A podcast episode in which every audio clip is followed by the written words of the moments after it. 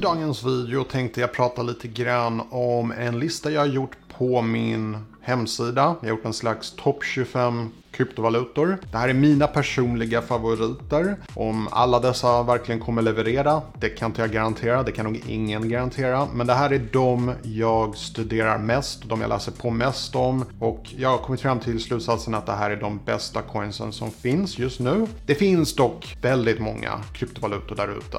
Eh, så att säga att dessa är de bästa, det är väldigt kaxigt. Det kan ingen kryptoexpert säga. Men jag är rätt säker på att de bäst presterande kryptovalutorna genom tiderna finns någonstans på min lista i alla fall.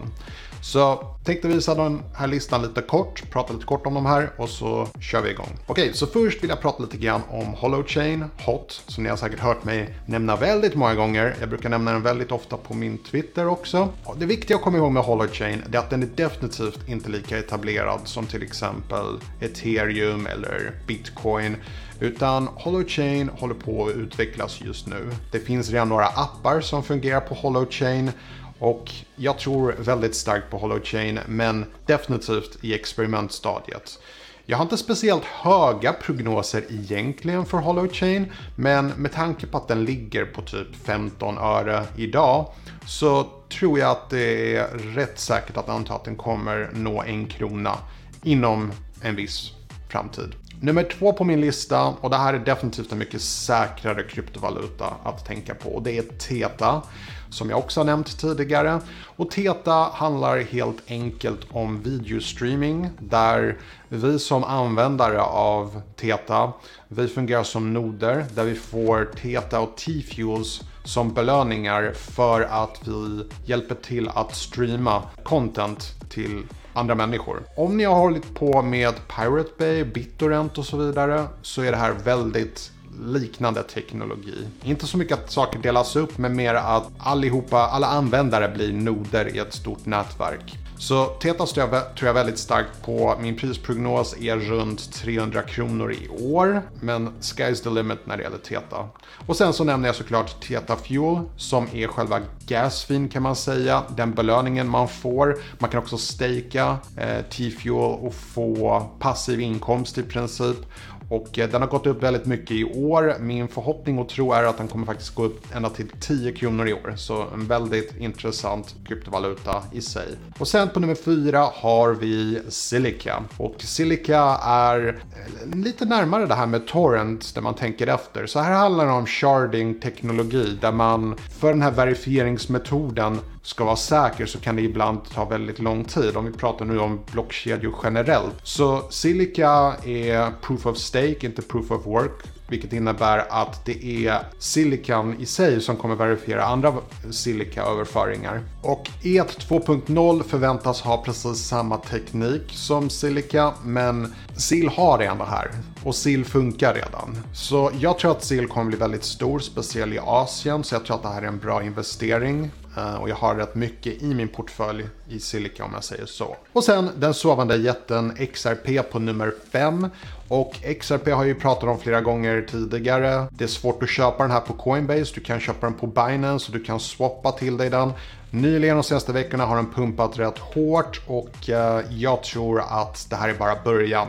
För mig är XRP lite grann som, eller så funkar den inte, eller så funkar den. Och om den funkar, massiv ROI. Cardano på nummer 6, det här har jag gjort en video om. Mitt huvudargument för Cardano är att jag tror väldigt mycket på skaparen Charles Hoskinson. När man lyssnar på intervjuer med Charles så låter det som att han har en slags Steve Jobs filosofi. Att saker ska vara så perfekta som möjligt och det får ta den tid det behöver för att utvecklas. Han verkar inte ha någon brådska utan han kör det lugnt och sansat och, perfekt och fokuserar på att göra coinsen så perfekta som möjliga.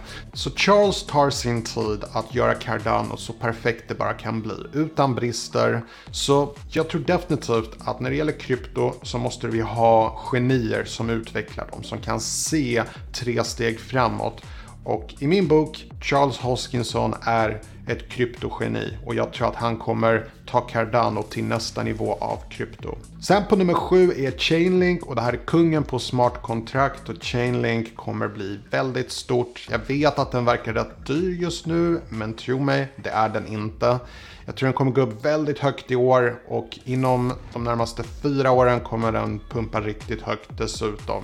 Väldigt många samarbeten, väldigt etablerad och har i princip inga konkurrenter även om vissa coins tror att de kan konkurrera mot Chainlink. Chainlink är ett väldigt säkert kort skulle jag vilja påstå.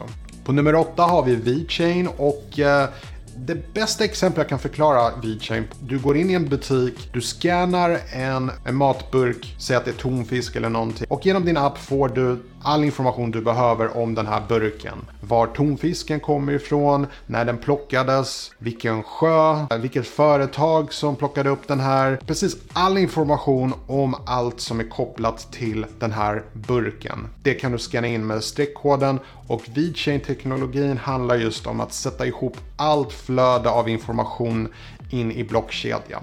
Så den här kommer lösa väldigt många problem och jag tror att VeChain är väldigt, väldigt underskattad. Jag tror att en dag kommer jag ångra att jag inte köpte många, många fler av den här. Nummer 9 är ethereum och som många vet jag gillar inte ethereum. Man skulle nästan kunna säga att jag hatar ethereum, men mina känslor för ethereum har ingen betydelse. Ethereum är gigantiskt stort.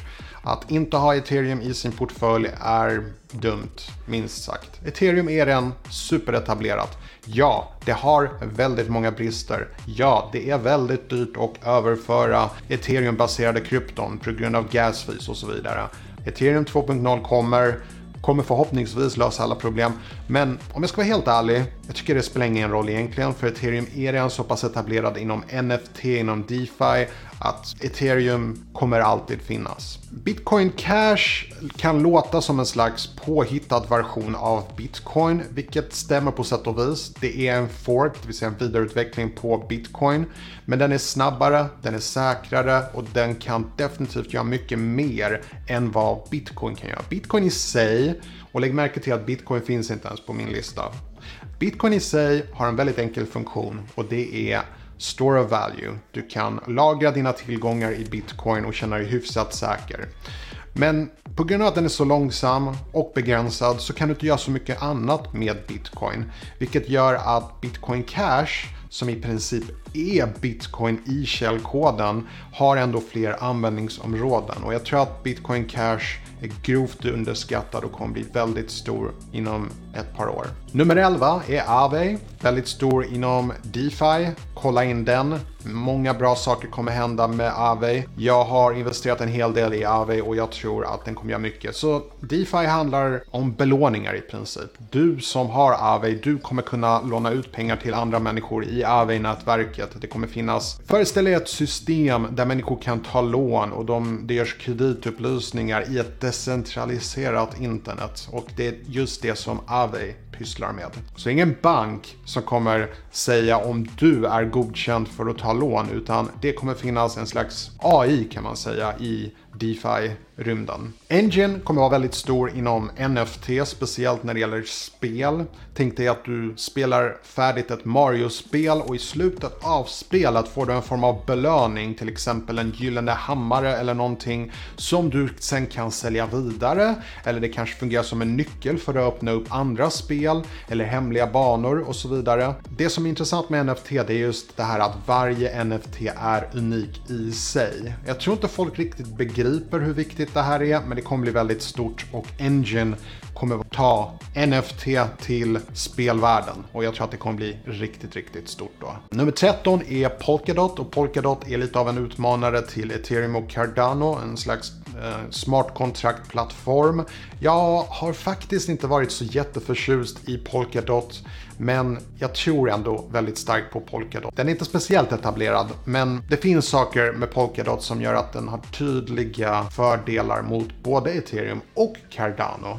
Så att jag ska göra en video om Polkadot inom kort. Vänta tills dess. Nummer 14 är Stellar och det finns de som skulle säga att om XRP är guld så är Stellar silver om det någon gång i framtiden kommer finnas en global valuta så kommer det vara Stellar med största sannolikhet. Den har teknologin, den har potentialen för att göra allt detta. Nummer 15 är Pancake och det som är häftigt med Pancake är att det är billiga avgifter när du swappar coins. Jag tror att det här är viktigt.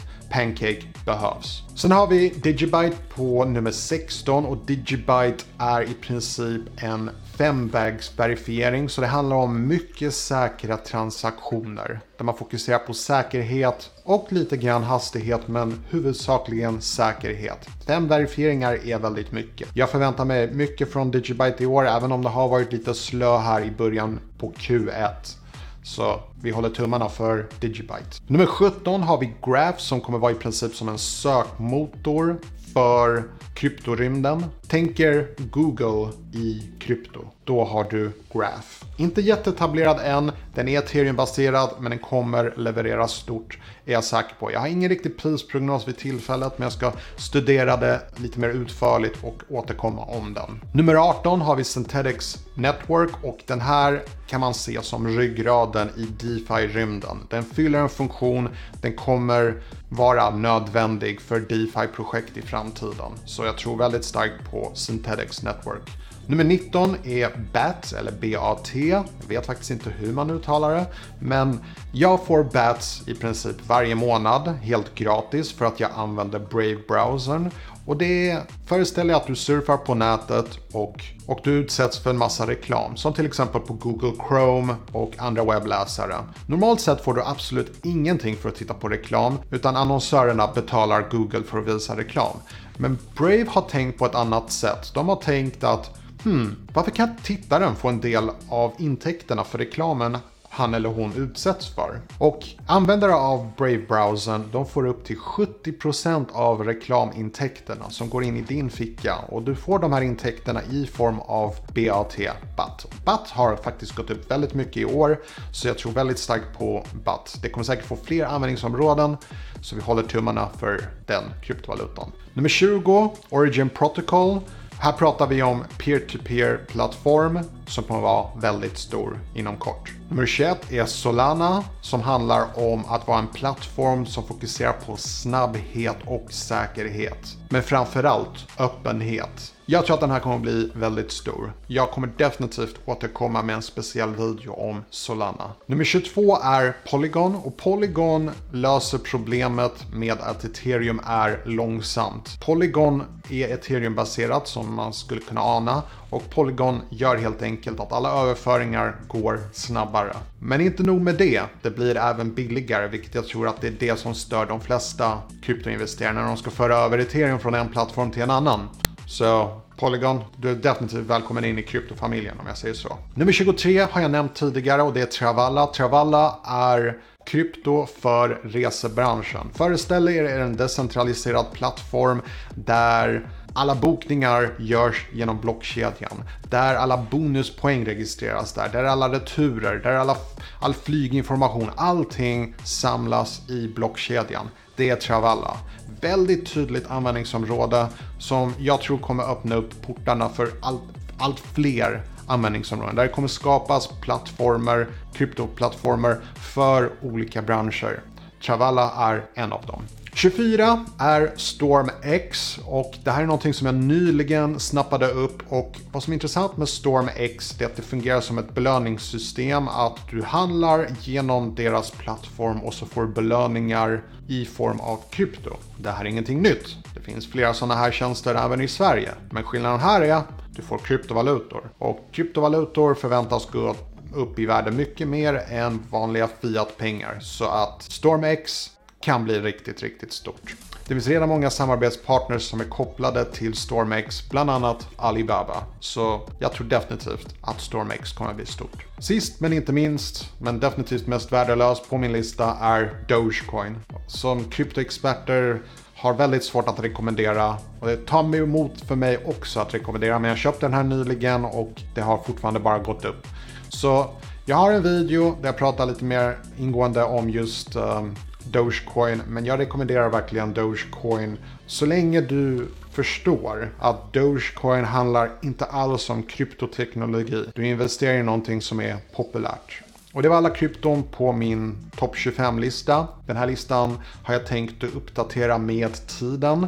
Men 2021, just nu, det här är de 25 coinsen som jag tror mest på. Återigen, det finns många fler kryptovalutor där ute och jag köper nya kryptovalutor nästan dagligen för jag är en kryptosamlare. Men de jag tror mest på, definitivt dessa 25 stycken. Okej, okay, det var allt jag hade för idag. Vi hörs och ses. Tack och hej, leverpastej. Mm.